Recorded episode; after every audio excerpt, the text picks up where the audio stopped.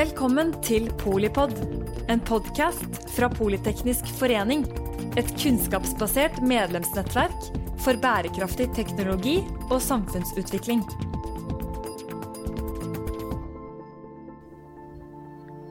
Velkommen til Polipod om eh, omdømme, teknologi, verdiskaping, bærekraft.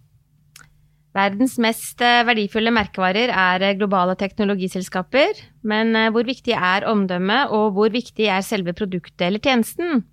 Hva gjør omdømmevinnerne for å sikre seg vår tillit? Med oss i studio så har vi omdømmeekspertene Jan Behrens, som er fagansvarlig for omdømmemålinger hos Ipsos. Vi har med oss Per Valbrok, som er partner i Storm Communications. Og vi har med oss Janne Log, som er daglig leder av eh, Samvirkene og medlem av eh, Politeknisk forening. Men Jan, eh, er, du har en helt fersk omdømmeundersøkelse fra Ipsos på bordet her. Hva, hva er hovedresultatene? Ja, altså, dette er et veldig spesielt år omdømmemessig, eh, pga. epidemien selvfølgelig. Og hvis vi først snakker om det vi kan si de store norske bedriftene, som er en del av vår omdømmemåling som legges frem nå, så er eh, et generelle inntrykk at alle de store norske bedriftene har fått et positivt omdømmeløft. Vi ser det over langsmed hele listen og over alle bedriftene som vi måler. Og vi lurer litt på og syns det er interessant hvorfor det har skjedd, og tenker at det har å gjøre med et år som egentlig har vært forholdsvis rolig når det gjelder eh, hver enkelt bedrift. Eh, epidemien har rettet oppmerksomheten i mediene og til befolkningen mot andre temaer. Eh, og det kan ha en fordel for, eh, for omdømmet. Eh, så eh, det virker som om det er bedriftene som Altså bedriftene ikke har, har skapt store endringer i sitt bilde. og da får man en form for oppslutning om de store bedriftene, tror vi. Um, I år, som før, så er det noen kjente, store, norske, kjære bedrifter som er på uh, listene over de fem viktigste, eller de fem største sånn omdømmemessig. Og det er Tine, uh, slik det var i fjor. Det er NRK, som er en stor, viktig, populær bedrift. Det er Coop. Det er Gjensidige Forsikring. Og det er uh, Felleskjøpet. Felleskjøpet la vi inn på i undersøkelsen i fjor, og den seilte opp på en femteplass som sitt første år i den målingen, og har beholdt den plassen i år. Så eh, vi måler også eh, hvordan det går med virksomheten i, statsforvaltningen. Eh, det vi kaller etater. Det er et litt romslig begrep vi bruker på det med etater. Eh, og der har jo eh, epidemien skapt helt spesielle eh, omdømme- og kommunikasjonssituasjoner. spesielt innenfor helsesektoren, selvfølgelig. Og det er vel ikke så mange som er overrasket over at Folkehelseinstituttet går fra å være en slags midt på treet-organisasjon omdømmemessig til å seile opp til å være den, eh, den, virksomheten, eller den statlige virksomheten med best omdømme. og er nå på samme nivå som Meteorologisk institutt har vært i alle år. Meteorologisk institutt har hatt en sånn særstilling i norsk, eh, norsk befolkning. Det tror jeg de fleste er oppmerksom på. Men uh, Folkehelseinstituttet er, er, der nå. En fantastisk reise gjennom et krevende år for dem og vist hvilken tillit og hvilken måte de har greid å demonstrere sine arbeidsoppgaver på en måte som har skapt uh, troverdighet i befolkningen. Um, det finnes også uh, del, altså Helsedirektoratet, Helsedepartementet er også uh, offentlige institusjoner vi kan vel kalle dem det, som har gjort det veldig bra omdømmemessig i år. Er du overrasket, eller, Per? Nei, jeg er egentlig ikke det. Jeg syns jo Folkehelseinstituttet er interessant. Eh, de har jo hatt en fantastisk utvikling i omdømmeposisjonen sin, og, og, det er jo fordi de, vil jeg tro, først og fremst fordi de har håndtert eh, covid-19 svært godt. Eh, de har kommunisert godt og tydelig hele veien. De har vært tydelige på hva de har visst og ikke visst. Kommet med, med råd etter beste evne og informert fortløpende på en, en bra måte. Eh, så kan man jo se for seg hvis de ikke hadde håndtert det godt, så hadde jo ganske sikkert ikke omdømmet steget så mye. Så det forteller vel noe om at et omdømme i hvert fall til en viss grad er et resultat av om du gjør en god eller dårlig jobb. Um, og så vil jeg vel også tippe, og dette vet jo du, du mer om, Jan, eh, at kjennskap og omdømme i en viss grad i hvert fall henger sammen. Hvis, ja. hvis du spør meg om jeg har, om, om jeg har tillit til en, en, virksomhet som jeg ikke vet noe om, så vil jeg vel kanskje si jeg er midt på treet. Ja, eh, mens hvis jeg kjenner til virksomheten, så er sannsynligheten større for at jeg gir en høy eller lav, avhengig av hvordan jeg oppfatter at de håndterer sine oppgaver. Ja. Så, så vel, jeg vil tro, også at FHIs oppmerksomhet i offentligheten har bidratt også til den omdømmeveksten? Det, det, det, ser vi alltid. Mm. Eh, at uh, Det største problemet omdømmemessig er ikke at man er, har et dårlig omdømme, men at man har et fraværende omdømme. Mm. Uh, et slett at man, man, er ikke kjent. Og Innenfor statsforvaltningen er det gode eksempler på det. det er ikke alltid man er enig om at en, at en etat skal ha et godt omdømme. Den har andre oppgaver. Mm. Jeg tror dette var et år hvor vi fikk demonstrert hvor vesentlig det er regjering, eh, regjeringen kunne ikke stått eh, og presentert noen av de mest inngripende tiltak verden, altså Norge har sett i moderne tid, ut, og med en hel rad med etatssjefer ved siden av seg. Hvis disse etatssjefene var helt uten omdømme og representerte helt ukjente uh, offentlige miljøer, mm. da måtte regjeringen ha valgt en annen strategi. De stolte på den autoriteten som, som den kjente og, og respekterte statsforvaltningen da uh, hadde med seg mm. inn på scenen, da, tror jeg. Nordmenn har jo alltid hatt veldig høy tillit til statsforvaltningen. Og det er veldig fint, syns jeg, da, at når vi går gjennom en krise, så øker den, eh, øker den tilliten. Um, og, og, de har jo også fått veldig ros internasjonalt. CNN går ut av Norge til det landet som hadde håndtert pandemien best. Så da fortjener de jo den omdømmeløftet. Og det, det sier litt om hvordan Norge kan håndtere kriser. Og så syns jeg det er litt gøy eh, på bedriftsundersøkelsen da, at eh, det er fire bedrifter med en eh, samvirkehistorie eller samvirkeeierskap, og en statlig bedrift som gjør det så bra. Det, det sier også litt om, om Kan i hvert fall si noe om verdier. Eh, for hvis man eh, Ipsos dere har jo gjort en annen undersøkelse for oss som sier noe om egenskaper ved eierskap. Og da er jo dette her bedrifter, de, som, de på de fem største, som nordmenn mener er best til å sikre arbeidsplasser. Nå skal vi også inn i en resesjon. Eh, sånn at det, det, er jo veldig positive tall. Det er jo absolutt grunn til å feire. altså. Ja, og det er, det er, gode tall over en rekke år. Så denne listen er jo ikke så dynamisk. Mm. Eh, som, Men, som, man ofte kan få inntrykk av når man hører om omdømmesnakk. Mm. Mm. Men jeg, det, det, jeg syns det er greit å ta med sånn innledningsvis også at et omdømme har jo ingen egenverdi. Hvis du, hvis du driver en liten eh, offentlig virksomhet som, eh, som, har en meget begrenset målgruppe. Du trenger jo ikke høyt omdømme i den norske befolkningen. Du trenger omdømme i den målgruppen som er mm. viktig for at eh, denne offentlige virksomheten skal gjøre sin jobb på en best mulig måte. Det stemmer. Så omdømme er jo Jeg tror omdømme er viktigst i, i i markeder eh, der eh, konkurransen er intens, og der mm. omdømmet kan utgjøre den lille forskjellen i valget for forbrukerne på om du går til mm. produsent A eller produsent B. Mm. Ja, eh, vi tenker at eh, et godt omdømme gir en tillit. Den tilliten gir da eh, en par-tre ganske gode fordeler. Du blir trodd. Mm hvis du kommer i en situasjon hvor det er viktig. Mm. Og der kan selv en liten etat eh, eller en annen virksomhet som ikke har noe stort omdømmeambisjon, komme i en situasjon hvor det er nødvendig å bli trodd. Mm. Man må forsvare seg for et eller annet standpunkt eller noe man blir beskyldt for å ha gjort galt. Mm. Det andre er at uh, man blir hørt. altså Man får rett og slett mer effekt igjen for de ressursene man bruker på kommunikasjon. Altså, så det, er, det, viser veldig enkle regnestykker. at de, de, Har man et sterkt omdømme, så virker uh, kommunikasjonen mer effektivt. Og Det siste er jo at man får delta.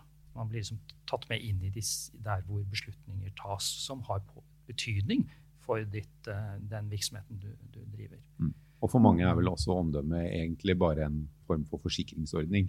Fordi mm. ja. for mange så trenger du ikke et, verken et godt eller dårlig omdømme ja. i en normaltilstand, men hvis det brenner på dass, da, ja. Mm. så, så så har du jo en omdømmekapital å tære på, ja. og som du kan bruke til å Hvis du da har det gode omdømmet, så er det større sannsynlighet for at du får kommunisert godt med omverdenen og, og, og, og, blir hørt ja. Eh, og har tillit. Det er jo liksom, Dramaturgien i en omdømmekrise er jo veldig sånn eh, kortfattet. Du har et kort øyeblikk til å eh, legge frem ditt standpunkt når du blir beskyldt for å ha gjort noe galt. da.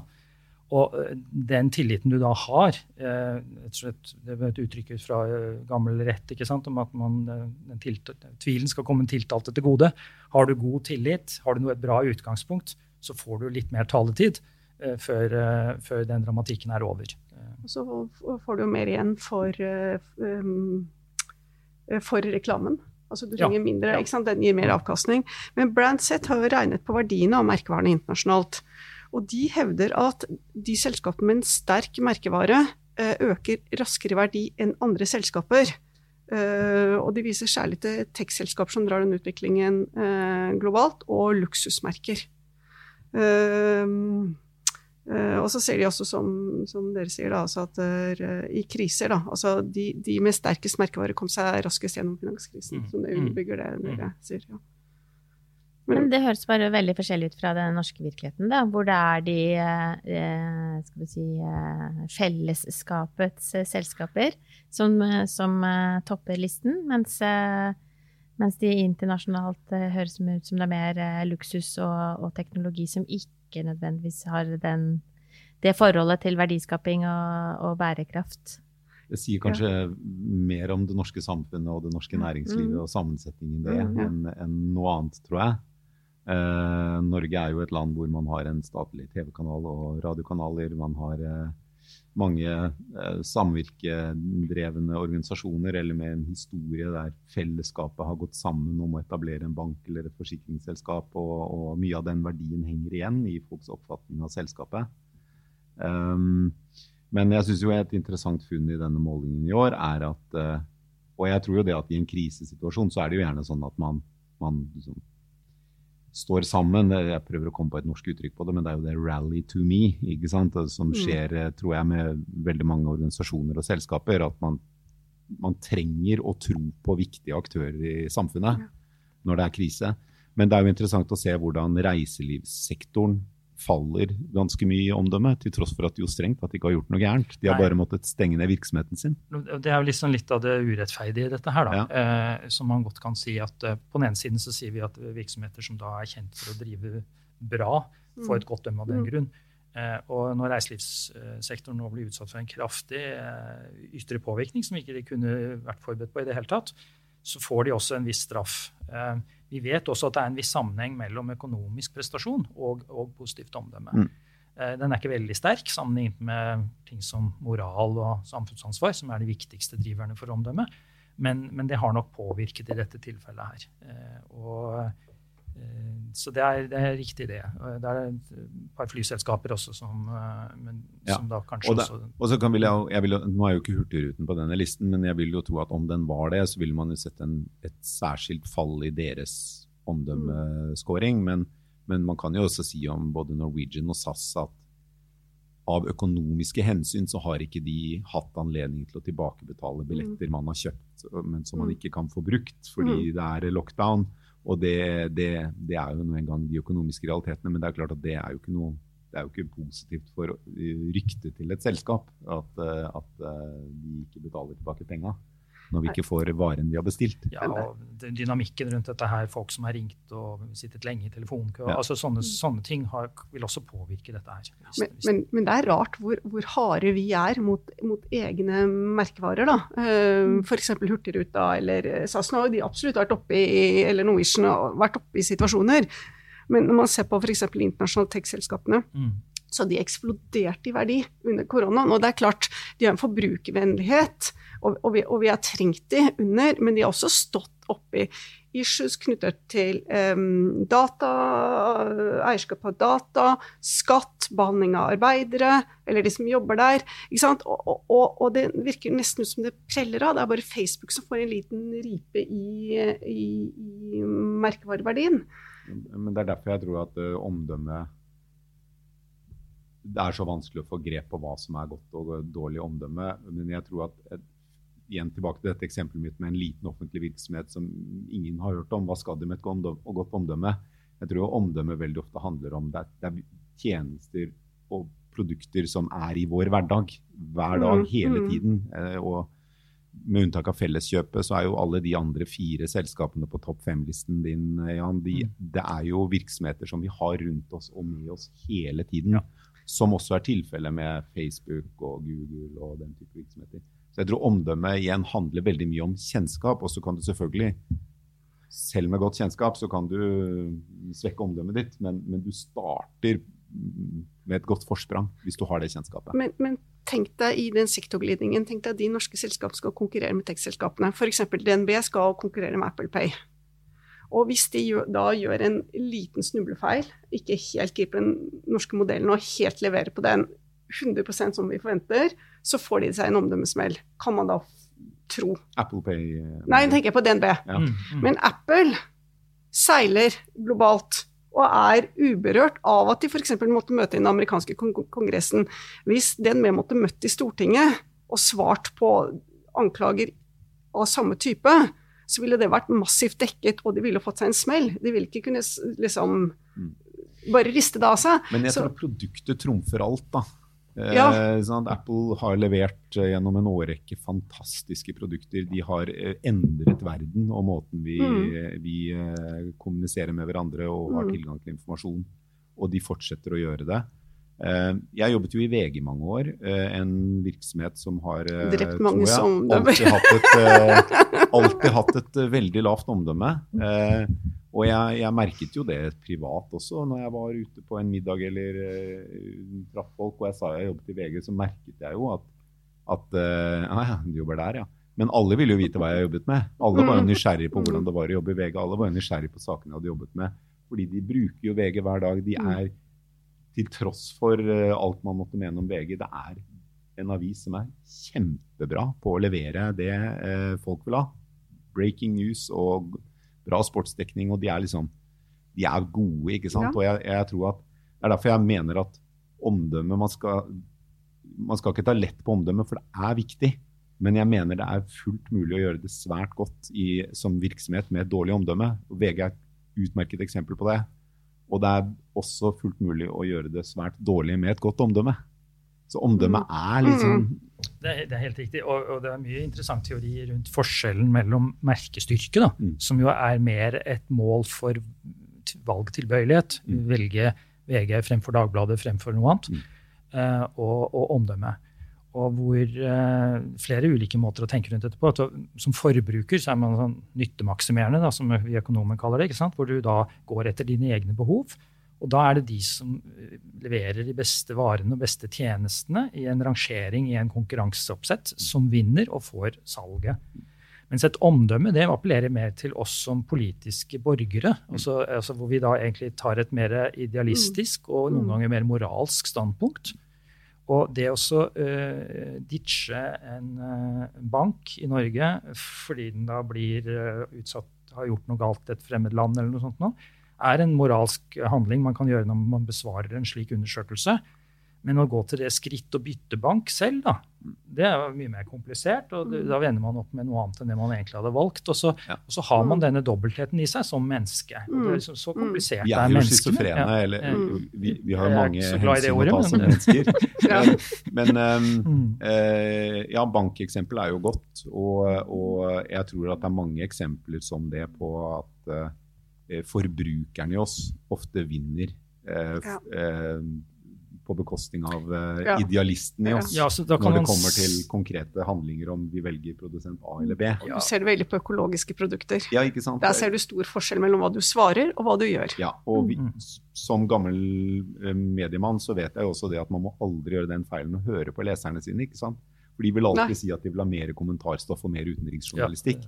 Men alle redaktører som opp gjennom årene har prøvd å høre på leserne sine og Mm. svare på det behovet, de gjør det jo skikkelig dårlig. Fordi når det kommer til stykket, så har de jo lyst til å bli oppdatert på nyheter, de har lyst på litt underholdningsjournalistikk, lyst på en god blanding, god miks. Så jeg, jeg tror at eh, Og det faller litt inn under omdømmekategorien. Mm, mm. Men vi har jo jobbet lenge med Coop i, i Storm Communications, og jeg tror at den type virksomheter er der hvor omdømme betyr mest. Fordi om du Mm. går inn i en Coop-butikk eller en butikk eid av Reitan eller Norgesgruppen, så de selger nøyaktig de samme produktene. De har stort sett de samme prisene. Det er, det er noen få kroners forskjell i VGs matbørs med hundrevis av produkter mellom de ulike kjedene. Men likevel så scorer Coop langt bedre enn de andre. Og det er for Jeg tror at i markeder der tjenestene eller produktene som selges, er til forveksling like, og der forbrukeren i meg ikke, Mm. ikke liksom blir det viktigste, da kommer omdømme og- eller rykte Mm. inn som en, en viktigere differensiator. Da. Så Og hos Coop så henger jo markedsandeler og omdømme sammen, gjør det ikke det? Jo, altså Coop eh, så noenlunde, men, men jeg tror at uh, det som gjør at Coop uh, gjør det så bra, er mange ting. Men, uh, en viktig grunn er jo nettopp den at de har vært svært flinke til å få frem det at de er eid av sine kunder. Mm. Det er en, en stor forskjell på den måten å organisere virksomheten på mot mm. Reitan og Norgesgruppen. Og som jo også appellerer litt til det med fellesskapet og samvirkefølelsen som er så sterk i oss nordmenn. Mm. Og som nok eh, har vært viktig for Coop i å differensiere seg i et marked der, Det er der tilbyderne er til forveksling like, Mm. på annet enn farge på logoen. Mm. Mm. tror jeg det også har noe med at eh, det har blitt veldig mye oppmerksomhet rundt hvem som eier dagligvarehandelen. Ikke bare fordi Coop har fortalt sin historie, helt tilbake fra de som Forbrukersamvirke og Mm. fant litt nytt og sånne ting, men også at de konkurrerende systemene Det var en, en eh, veldig fremtredende eier, eierfamilie i, i Reitan-systemet, og så har man en, en utpreget anonym eh, eier, også personlig eier, uten at jeg tror så veldig mange vet så veldig mye om den, i Norgesgruppen. Og Den konstellasjonen tror jeg skaper en helt spesiell omdømmesituasjon og større interesse for hvem som står bak, Ja. som jo er det Mm. skumle spørsmålet. Ikke sant? Hvem er det som egentlig tjener på dette her? Er kolonialpolisten sånn- din? Mm? Er kolonial på omdømmekåringen? Nei, det er den ikke. Nei. Så, men vi ser jo, har vi sett i alle år, veldig stor forskjell i omdømme, og Coop står i en særstilling. Det var jo mye rabalder for Reitan-gruppen for noen år siden, som egentlig ikke var så lett å forstå hva det var de hadde gjort så galt. Men det var, vi så et tydelig fall i omdømmet, og det tok et par år før det liksom kom tilbake igjen på, på det nivået. Mm. Men nå som vi ser en litt sånn ellevill valgkamp borti USA, og nettopp har fått tall fra SSB om økende ulikhet, så er det jo veldig Altså også i Norge. Um, så er det jo veldig fint å se at samfunnsinstitusjonene står så sterkt altså i en krise. Jeg må si at det gir en trygghet, det. Altså for det, det er jo ikke mer enn tilbake til 1. mars virket øh, så var korona en bortimot et ukjent ord for de fleste av oss. Altså det var noe som skjedde et eller annet sted. Sånn at øh, i det øh, så store kriser kan komme såpass brått på, ramme såpass voldsomt, syns jeg det, er, det lover godt altså, for fremtiden. Jeg har kolleger i alle land som har samme jobb som meg, og, og fått også bekreftet dette med oppslutninger rundt i institusjonene, staten og samfunnet, regjeringen og hvem det måtte være som er blitt målt. Både i Italia, som jo hadde en veldig veldig fæl situasjon, og i Frankrike har vi sett det samme, Canada har vi sett det samme. Men han, eh, representanten fra USA forteller en helt annen historie. Mm. En ekstrem politisering. Mm. Hvor det er nærmest et én-til-én-forhold mellom hvilket parti du sympatiserer med, og hvordan du mener regjeringen også tillit til regjeringen, alle mulige aspekter rundt dette. Men til og med hvorvidt du bruker munnbind eller ikke, Ikke sant? Blir blir- politisk. ja, ja. ikke sant? Og da setter du helse inn på et politisk ståsted. Mm. Det er klart, Det er da veldig, veldig merkelig eh, Veldig merkelig, altså. og, ja. Som samfunnsøkonom må jeg si at tillit er jo det som smører eh, effektiviteten i økonomien. Det at vi, så, Mm. så tillit til eh, institusjonene, tillit til de største aktørene, tillit til, til bransjer, er, er jo opplagt ikke bare av verdi for, for eh, det, det selskapet eller den eh, etaten, men for, for samfunnsmaskineriet vårt. Da. Mm. Men jeg bare lurer på, har du noe tall på generasjoner, eller, eller skiller dere noe på altså hvordan, eh, hvordan er liksom studenten og, og de yngste? Det, det der er faktisk det som, som FP var inne på med ulik kjennskapsgrad, eller hvorvidt man vet om virksomheter, antagelig den største forklaringen på forskjeller. Sånn at eh, det, er, det varierer veldig fra virksomhet til virksomhet. Sånn, eh, men disse generelle løftene som jeg har snakket om, det har vi jo sjekket ut sånn av metodiske grunner og liksom lett etter hva kan dette forklare. og det, ligger, det går på i de aller fleste av de ulike målgruppene som vi kan plukke fra hverandre, så ser vi det samme generelle løftet, som er et veldig eh, spennende funn, egentlig. Og det blir enda mer spennende neste år. Vi får se åssen det, hvordan det Ja, går. for da må det ha betydning for rekruttering også, ikke bare for skal si, salg. Ja, ja. Ja. Altså, så det, eh, altså, omdømme har mange effekter utover det rent salgsmessige, som, som, som du har vært inne på. Og eh, de, mange av dem jeg snakker omdømme med, er ikke så opptatt av at de skal være med å levere økte salgstall. Men egentlig, som du sier, enten en beredskapssituasjon eller altså, dette med ansatte, eller rekrutteringsmarkedet, er viktige målgrupper. Og for så vidt også si, andre spesielle målgrupper i samfunnet. Og der er jo også igjen, litt tilbake til VG-eksempelet mitt. For VG hadde jo den gang jeg begynte der, et, vil jeg tro, like dårlig omdømme som VG har i dag. Men eh, i målgruppen journalister så var jo VGs omdømme godt. Mm. Eh, da jeg begynte i politisk avdeling i VG i, i mm. 2000, så så var det jo et sted der man virkelig ønsket å jobbe. Mm. Fordi det var flinke folk som jobbet der. Det var gode interne metoder på hvordan man gikk frem i å jobbe frem sakene sine. Så omdømmet var godt i en viktig målgruppe, men, mm. men, på et overordnet og globalt nivå så var det dårlig. Så det går jo an å ha uh, mange mm. ulike omdømmer avhengig av hvilken målgruppe man spør. Mm. Hva skal man gjøre fremover, da? Altså, du har jo sikkert trender eh så lenge dere har målt. Men, eh, og dere har begge dere andre erfaring med hva, hva som eh, ser ut til å ha effekt. Men har du noen gode råd til eh, de som lytter, til meg? Politeknisk forening, supersterkt brand siden 1852. Ja, altså, det er jo som Per sier, man må jo være litt kjent, da. Så, mm. så det kommer jo an på hvem du skal være kjent hos. Da. Så det er jo viktig å definere sin uh, interessentgruppe, eller uh, og så er det eh, Vi sier det ganske enkelt, egentlig, at et godt omdømme bygger, baserer seg på at de som du vil, da, folk, vet hva du holder på med. Hva som er arbeidsoppgavene, samfunnsoppdraget, hvis du velger et såpass uh, storslagent ord. Og så at de forstår hva det er du gjør. Uh, altså at uh, du gjør det, og du gjør ikke det. Og Da er det lettere for folk å danne seg et inntrykk, som er starten på et godt omdømme. Og hvis du, gjør det, hvis du har et veldig godt inntrykk, så vil også tillit kunne komme Eh, sannsynligvis over tid, eh, med mindre man gjør noe spektakulært positivt. Men det er jo det høres litt, det er nesten som en selvmotsigelse. Altså, positiv omdømmeutvikling eh, skjer langsomt. Eh, og negativ omdømmeutvikling kan skje veldig fort. Altså. Mm. Bærekraft er jo et tema som kommer, som vi ikke har berørt ja. så mye i dag. Men det er klart, det blir jo en viktig det blir viktig å tydeliggjøre hvor, hvor du står langs bærekraftsdimensjonen. rundt, Men da tenker jeg på bærekraft som definert som det langsiktige eller som samfunnsansvar. At det blir det nye samfunnsansvarbegrepet. Eh, det tror jeg kan bli en viktig differensiator fremover. Bærekraftsagendaen stiller krav til å bli konkret og, ja. og liksom fortelle historier om noe du gjør som er knyttet til din egen virksomhet. Mm. Det, altså det store grønn, grønnvaskingsproblemet er ja. jo at man snakker om ting som man ikke driver med. Mm. Eh, sånn at eh, det er jo det er den store utfordringen for å få tillit, eh, som er omdømmet. det er at, at bærekraftsdagsordenen for hver enkelt virksomhet handler om den virksomheten og hva de gjør i sin eh, verdikjede, eller hvor sitt nær, nedslagsfelt. Eh, og at det de gjør, er troverdig og konkret og effektivt og virker. Jeg er helt enig, og jeg tror mange virksomheter gjør seg selv en tjeneste hvis de slutter å bruke ordet bærekraft. Ja, ja. Det er, det er jo, ja helt enig. Og heller begynner å vise gjennom konkret handling mm. hva de gjør for å løse klimaproblemet.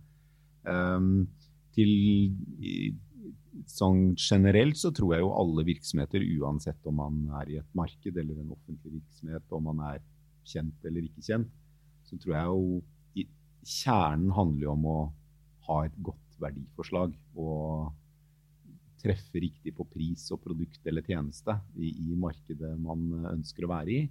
Og så med det som utgangspunkt ha en historie som er troverdig og engasjerende. Det betyr jo at du må, du må bygge kjennskap eller differensiere deg i et marked der konkurransen er intens, som er eh, sann, og som bygger på en kjerne. Det er helt avgjørende. For hvis du ikke har det, så vil du i gode tider vil du bli gjennomskuet. I dårlige tider vil du bli totalt avkledd. Hvis det ikke er sannferdig. Ja, det, det er enig. Og så er jeg enig i at det med buzzord det teknologiske skiftet og bærekraftsbegrepet, det har gjort oss eh, buzzordslitne, tror jeg. Ja, og vi kommer til å bli forbli buzzordslitne. Det vil ja. helt sikkert komme nye ord etter bærekraft som blir like slitt etter en periode. Så jeg tror at uh, jo mer konkret man kan være i sin ja. kommunikasjon, desto bedre er det. Mm. At man som hvis man eksempelvis driver en dagligvarevirksomhet, at man snakker om hvordan man jobber med å redusere avfall av eh, produkter som går ut på dato, eller, eh, eller andre Mm. konkrete grep, Mm. så er det mer eh, engasjerende og, og eh, forståelig for folk. Mm. Mm. Så når vi eh, møtes om et år, så eh, hva, hva ser vi da? Du har, du har en krystallkule, selv om du har eh. Ikke sant? Ja, Ja. ja, den var ny. Eh, så det, nei, jeg tenker at vi ser en, eh, en, en avmatting av de veldig positive utviklingstrekkene for disse spesifikke etatene. Altså det, det er liksom en lettvint spådom. Det som går opp, går gjerne litt ned igjen etterpå. Fordi de ikke har vært på toppen bestandig.